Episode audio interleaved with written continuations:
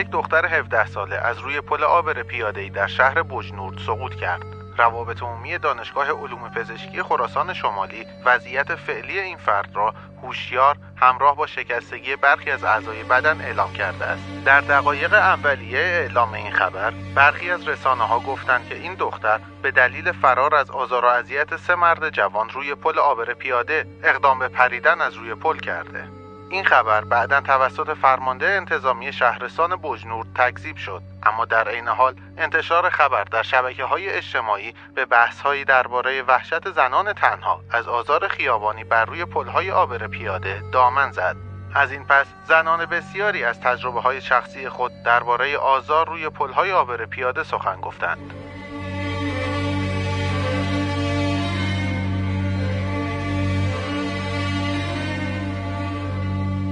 هر وقت می‌خوام تو ساعت خلوتی از روی پل آب رد شم باید حواسم به اطرافم باشه. عضلاتم رو منقبض می‌کنم با دستام گارد می‌گیرم.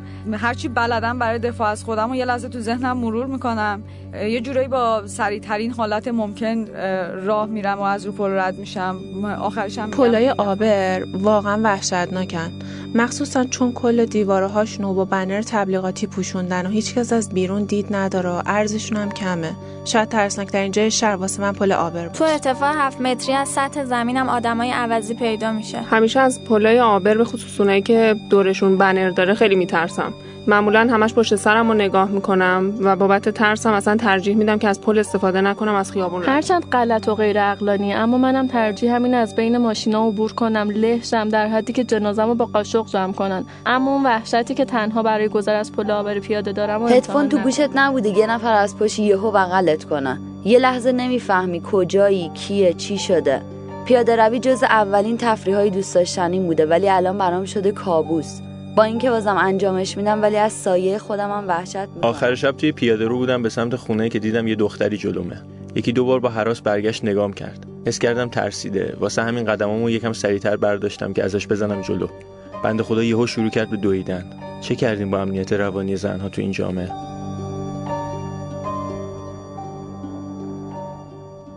پولای آبر پیاده دو تا مسیر جدا از همدیگر رو به هم متصل می‌کنن. اولین پلهای آبر پیاده از چوب ساخته می شدن. پلهایی از جنس سنگم تو زمان شکلگیری تمدن روم باستان تو قرن دوم پیش از میلاد مسافرها را از یه طرف رودخونه به طرف دیگه میرسون. این پلا طوری ساخته شدن که بعضی از اونا امروز هم قابل استفادن. اما داستان این پلها تو چند تا کشور از جمله ایران فرق می‌کنه.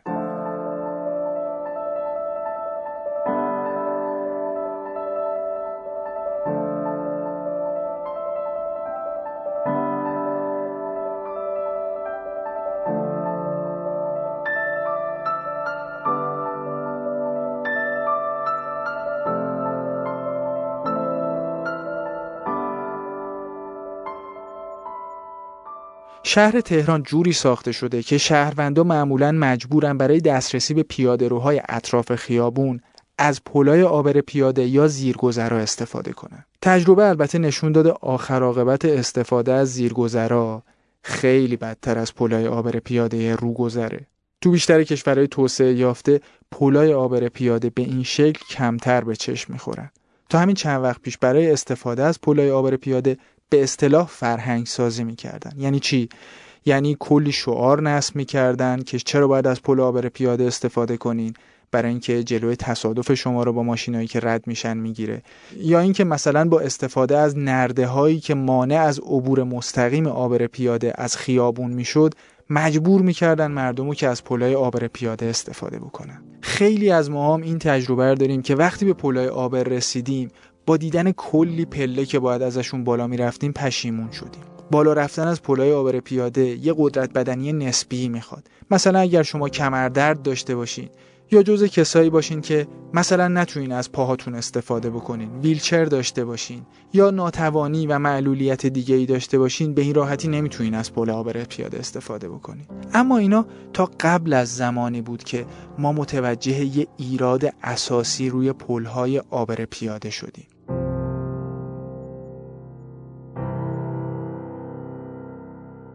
بعد از اینکه روی پل از طرف یه مزاحم مورد آزار قرار گرفتم دیگه از روی پل آبر پیاده رد نشدم.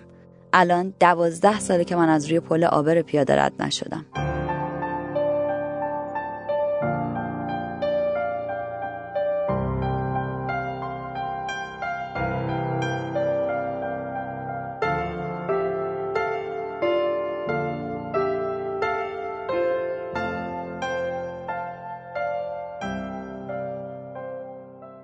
الان یه جورایی پلای آبر پیاده به عنوان نماد نادیده گرفته شدن توی شهر محسوب میشن تا نماد ترافیک. نمادی که نشون میده توی شهر تهران اولویت حرکت با سوار است نه پیاده. اونا رو میفرستنشون زیر زمین یا با کلی پله از روی اتوبان ردشون می‌کنن. اما وقتی پلای آبر پیاده تبدیل به مکانی برای آزار و اذیت زنا میشن چی؟ پلای آبر پیاده معمولا توی ساعت اولیه شب یا ساعت نیمه شب جاهای خلوتی محسوب میشن. فکر کنید یه زن تنها از سر کار خرید یا از هر جایی برگشته و می‌خواد از پلی عبور بکنه که تا چندین متر هیچ کسی روش وجود نداره. اطرافش با بیلبوردهای تبلیغاتی پوشیده شده و توی مکان تاریک در حالی که نمی‌دونه کی جلوش وایساده و یا کی داره از پشت سرش حرکت می‌کنه باید رد بشه تا به اون طرف خیابون برسه. خیلی پیشتر از اینی که خبر سقوط دختر بجنوردی از پل آبر پیاده پخش بشه بحث این که پلای آبر پیاده بعضا به مکانی برای آزار زنان تبدیل میشن مطرح شده بود. اما از اون به بعد یه بحثی توی شبکه های اجتماعی و توی سایت هرسوات شکل گرفت که خیلی از زنها اومدن تجربه هاشون رو از آزار روی پل آبر پیاده تعریف کردن. و اون وقت شاید خیلی از ماها از جمله ناظرای شهری و مدیرای شهری متوجه این شدن که پلای آبر پیاده دیگه فقط اون مکانی نیستن که میشه باهاش ترافیک یا اتوبان یا حرکت تند ماشینا رو دور زد. پلای آبر پیاده می‌تونن تبدیل به یه تونل وحشت بشن که حس ناامنی و ترس خیلی زیادی رو برای زنها به دنبال داشته باشن. برای اینکه جنبه های مختلفی از این موضوع بتونیم مطرح بکنیم با جمال رشیدی معاون برنامه و بودجه معاونت اجتماعی فرهنگی شهرداری تهران صحبت کردیم. آقای رشیدی میگه در صورتی که یه جنبش اجتماعی یا یک خواست عمومی به وجود بیاد موضوع پلهای آبر پیاده و آزارخیز بودن این پلها رو میشه به یه دغدغه عمومی تبدیل کرد. این دغدغه عمومی در نهایت به نهادهای مجری فشار میاره تا برای رفع مشکل یه کاری بکنن کلا این جور مسائل معمولا اول تبدیل به مسئله میشه و یک دغدغه عمومی خصوصا توی نظام برنامه ریزی توی ایران در بین برنامه ریزها تبدیل به دغدغه عمومی میشه. به این معنایی که بازخوردی از طرف جنبش های اجتماعی ما نداریم. چرا؟ چون اصلا جنبش اجتماعی نداریم توی ایران که بخواد اینجور موارد رو تبدیل به مسئله بکنه. ولی تجربه زیسته بسیاری از برنامه ریزان شهری یا شبکه روابطشون یه hint هایی به اونا میده که تابلوهای تبلیغاتی ما روی پلهای عابر پیاده یکی از پیامدهای منفی که ایجاد می‌کنه شکلگیری فضاهای بدون دفاع شهری در غیاب NGO هایی که بتونن مسئله رو در حد یک خواست عمومی مطرح کنن مجمع حق بر شهر باهمستان یا حالا به اختصارش باهمستان به عنوان یه نهاد ناظر اجتماعی موضوع آزارای خیابونی رو پیگیری می‌کنه. مجمع باهمستان که از سال 91 فعالیتش رو شروع کرده بحث حقوق و منافع گروه های به حاشیه رونده شده شهر رو در فرایند توسعه شهری دنبال می‌کنه. این گروه تا حالا تونسته دو تا پل آبر پیاده را از شهر تهران حذف کنه. یکیش پل آبر پیاده روی خیابون خاجه نصیر بوده و بعدیش هم پل آبر پیاده خیابون انقلاب تهرانه که احتمالا خیلی از شمایی که سالهای پیش میدون انقلاب تهران رفتین این پل رو دیده بودین. این پل امروز دیگه وجود نداره و اگر وجود نداره به خاطر آزار و اذیت‌های فراوونی بود که روی این پل گزارش می‌شد و در نهایت با پیگیری های گروه باهمستان این پل حذف شد. یکی از مسائلی که پلای آبر پیاده این روزا باهاش مواجه شدن اعتراض فعالان شهری و اجتماعی به استفاده گسترده از بیلبوردهای تبلیغاتی در کناره های این پلاست شما وقتی به این پلا نگاه می‌کنی برای تبلیغات رو پلای آبر پیاده شهرداری مصوبه ای داره که بر اساس اون 50 سانت از عرشه و 50 سانت از بالای سقف پل آبر پیاده می‌تونه تبلیغات قرار بگیره. یعنی در بهترین حالت فقط میشه ساق پای فرد قربانی یا متجاوز رو دید. مجمع با همستان و از جمله آقای طیبی دارن روی این کار می‌کنن که حداقل یک طرف از پلای آبر پیاده به هیچ وجه هیچ تبلیغاتی نصب نشه. ما توی زمین پلهای آبر در خیابانهای شهری دو تا مسئله رو خیلی جدی بهش می‌پردازیم کلا. یکی بحث خود امنیت روی پلهای آبره. حالا تو هر کجا می‌خواد ساخته بشه. چون در واقع اگر پشت این پلهای آبر رو نگاه بکنید و فلسفه ساختشون رو ببینید یک جور منبع درآمد شهرداری پلهای آبر یعنی ما تو جلساتی که خودمون هم داریم چه در واقع تو راهنمایی رانندگی چه توی خود شهرداری خودشون هم تلویحا آن دارند که پلهای آبر رو ما نمی‌تونیم حذف بکنیم چون منبع درآمد شهرداریه. چون شما حدودا هیچ حالت دیگه ای نمی‌تونید تبلیغات جلوی چشم راننده بذارید. همه بیلبورد ها در واقع تو حاشیه معابر گذاشته میشن و طبیعتا قابلیت دیده شدنشون نسبت به پلهای آبر که دقیقا جلوی چشم راننده هاست پایین و طبیعتا ارزش اقتصادیشون پایین برای همین پلهای آبر نه تنها برای شهرداری هزینه نداره بلکه یکی از منابع درآمدی شهرداریه. حالا ممکنه به ذهنتون برسه که چرا روی پلهای آبر پیاده دوربین مداربسته شهری کار نمی‌ذارن. به هر حال دوربین می‌تونه مثل یه عامل بازدارنده عمل بکنه که حداقل امنیت ذهنی رو ایجاد بکنه. یعنی که شخص متجاوز بدونه که یک جایی داره نگاهش می‌کنه و اگر عمل خلافی انجام بده بعدا چهرش قابل شناساییه اما جمال رشیدی معاون برنامه بودجه معاونت اجتماعی فرهنگی شهر تهران میگه دوربینای نظارتی در نهایت ایده خوبی نیستن. و بهتره به جای نظارت دوربین ها از ناظران اجتماعی یا همون شهروندا استفاده بکنیم. دوربین های نظارتی که حالت نظارت مکانیکی به خودشون می‌گیرن طبق تحقیقات اخیر در حوزه شهرسازی و طراحی محیطی یه عامل بسیار به اصطلاح مخرب برای تعلق به محیط شهری. شما به جای اینکه نظارت چشمهای مستقیم مردم بر فضاهای شهری رو بخوای بسترسازی بکنی میای از دوربین ها استفاده می‌کنی و این دوربین ها جای چشم های انسان ها رو می‌گیره. سهولت استفاده از این پل های آبر پیاده و جذابیتشون محل بحث و فحصه.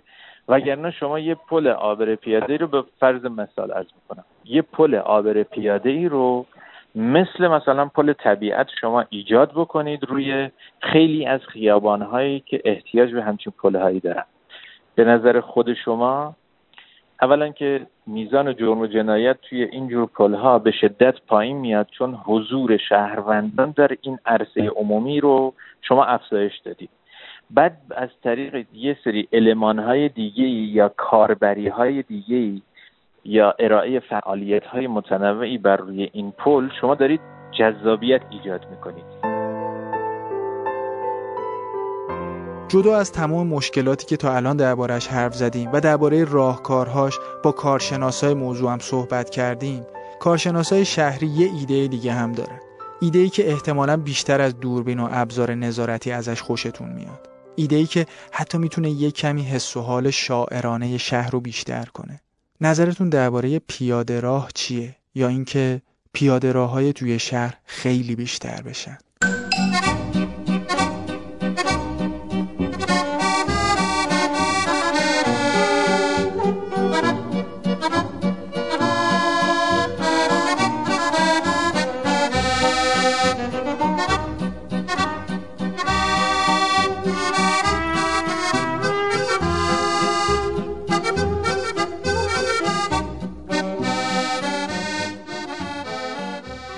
پیاده ها که بیشتر بشن فضاهای تنگ و خلوتی مثل پلای آبر پیاده که معمولا به خاطر تبلیغات و تاریکی شب از چشم دورن کمتر میشن. در مورد شهر تهران میشه گفت این شهر بیشتر در اختیار سواره هاست. و پیاده های خیلی کمی تو تهران وجود دارن و اونایی هم که باقی موندن معمولا مشکلاتی دارن که نمیشه ازشون به عنوان یه تجربه موفق یا کاملا موفق اسم برد. مثل پیاده راه 17 شهریور که در نهایت تجربه ناخوشایندی بود یا پیاده راه سی تیر که حتی بر فرض اینکه تجربه موفقی بدونیمش برای کلان شهری مثل تهران ناچیزه. به همین خاطره که کارشناسا و فعالای شهری و اجتماعی معتقدن تا زمانی که شهر تهران به سمت یه محیط پیاده مدار نره در نهایت ما با این مشکلات روبرو خواهیم بود و راهکارهای موجودن بیشتر راهکارهای ترمیمی هن. پیاده مدار بودن شهر بجز امن کردنشون برای زنها که حتما این کارو می‌کنه می‌تونه شهرهای ایرانو نزدیک به اون چیزی بکنه که در گذشته های دور بودن شهرهایی که معماری و طراحیش بر اساس انسان و نیازهای انسان شکل گرفته بودن نماشین همون چیزی که امروز با عنوان معماری و شهرسازی ایرانی اسلامی میشناسیمش و عکسای قدیمی یا نقاشی قدیمیشو می‌تونیم تو اسناد رسمیمون ببینیم.